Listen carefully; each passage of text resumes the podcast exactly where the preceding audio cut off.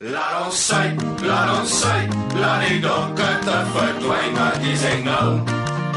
Ek sê vir jou, ek sal die kat aan die brand met 'n bottel in my hand. Ja, laat ons sy, wat gooi ons styf.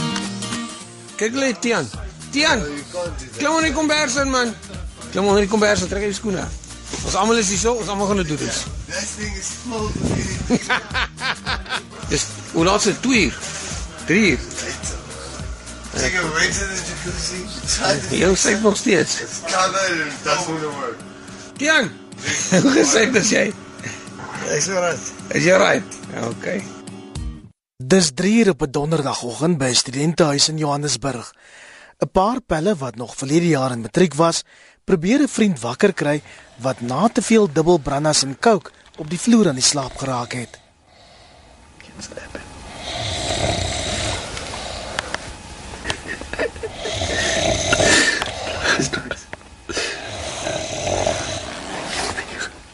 Yeah, he's knocked out cold, but Passed out what time? long ago. man. Yes, you fighter. Vir hulle is dit bloot onskuldige studente pret. Maar by Sanka's Horizon Kliniek in Boksburg worstel 'n 16-jarige seun met die drankduiwel.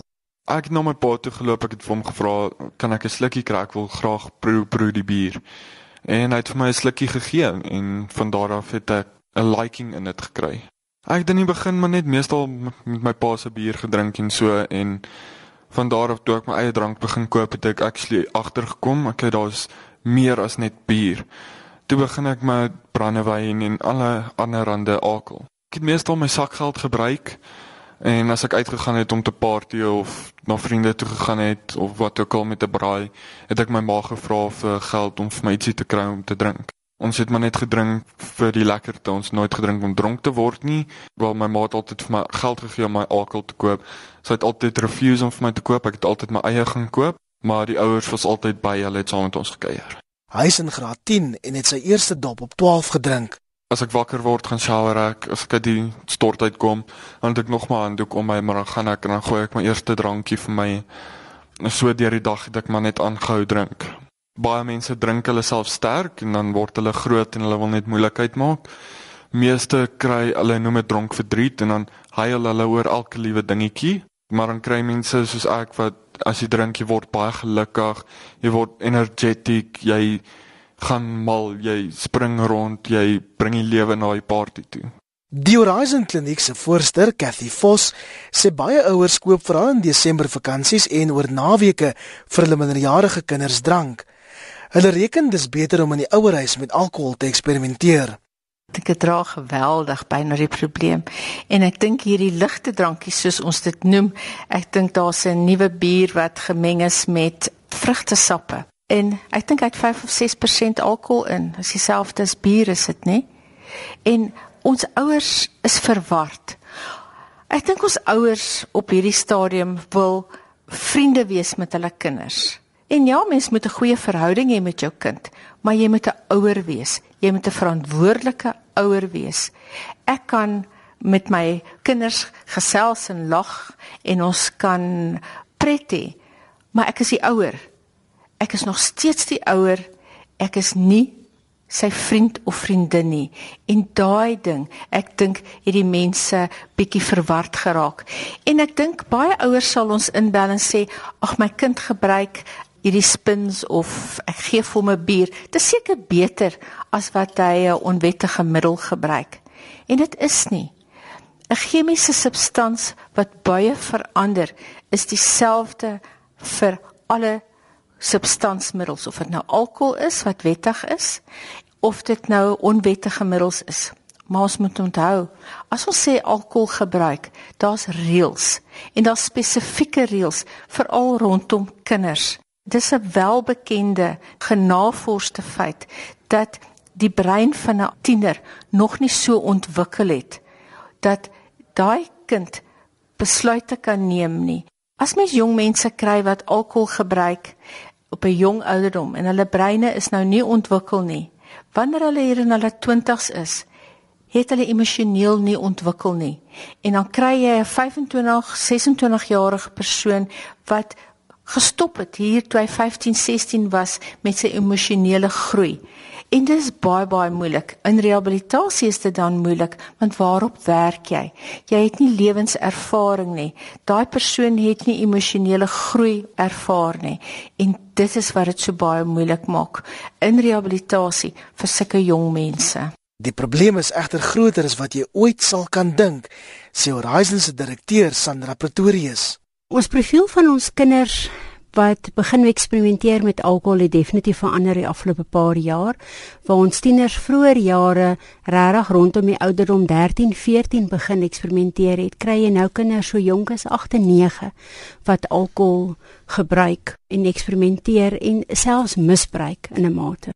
Dit gebeur in baie huishoudings ja waar hulle skelm 'n slukkie vat hier en daar daar is ook disfunksionele families waar baie keer van die ouers middels misbruik en dan nie regtig toesig het oor die kinders nie en die ouers baie keer vir die kinders aanbied want dit is snaaks.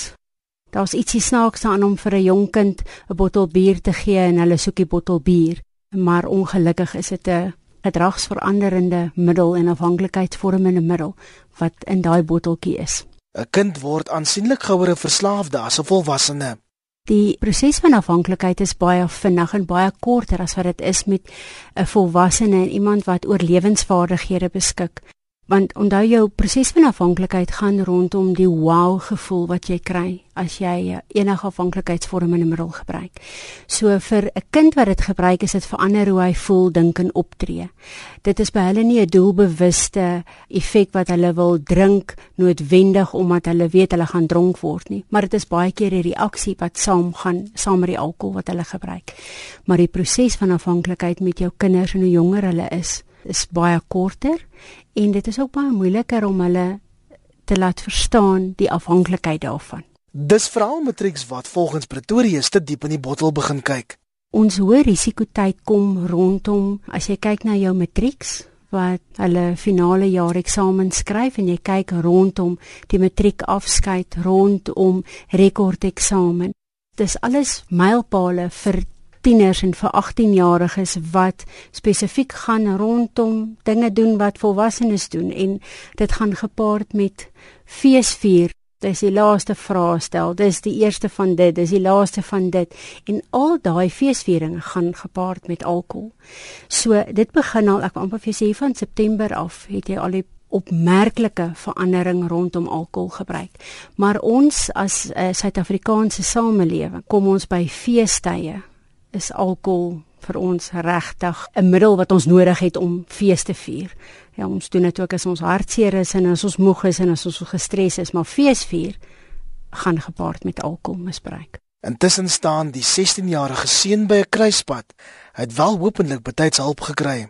In die begin word mens maar nog steeds lus vir 'n drank. Ek het nog steeds my cravings gekry en so, maar soos mens die groeps en jou dinge leer, wat ek geleer het is om dit te voorkom as ek daai gedagte kry van dit sal nou lekker wees, dan verander ek daai gedagte na 'n positiewe gedagte toe om daai craving uit die pad te stoot. Meeste van my pelle weet ek is in rehab vir alkohol en drugs, maar alles sal ook nie as ek uitkom en ek sê vir hulle ek drink nie meer nie, hulle sal nie vir my alkohol aanbied of enige iets nie, hulle sal my respekteer daarteenoor. Ah, my toekoms sny ek heeltemal alkohol en drugs uit. Ek probeer my recovery hou. Ek gaan meer na NA meetings toe gaan en my aftercare kry. Ek wil verder gaan studeer. Volgende jaar wil ek college toe gaan. Ek wil my lewe 'n sukses maak nou. Pretoria sê daar's 'n duidelike verband tussen kinders wat te vroeg drank gebruik en later met dwelms begin eksperimenteer. Jou tiener wat alkohol gebruik is baie meer blootgestel om dwelms te gebruik want jy gebruik alkohol en die oomblik as jy een drankie drink al dink jy jy is in beheer is daar tog iets wat gebeur in die brein en jy verander hoe jy voel dink en optree verander. Jou stelsel word daardeur beïnvloed want waar jy normaalweg sê weet jy wat ek gaan nie sigaret rook nie of ek sal nooit dagga rook nie. Nou het jy 'n paar biere in haai weet jy en ek is nou lekker mellow en ek is nou redelik gemaklik en ek is amper game vir enigiets wat nou voor my gesit word. Is die kans baie goed dat ek saam met my vriende gaan rook. Daai definitiewe nee, dis vir ek wil dit nie doen nie. jy kan nie by daai besluit hou nie. En is juis oor die feit dat hy nooit nee gesê het nie wat die 16-jarige seun nou in 'n rehabilitasiesentrum sit terwyl sy pelle hulle Desember vakansies kan geniet. Ek is spyt oor baie besluite wat ek in my lewe gemaak het, meestal oor drank en dwelms.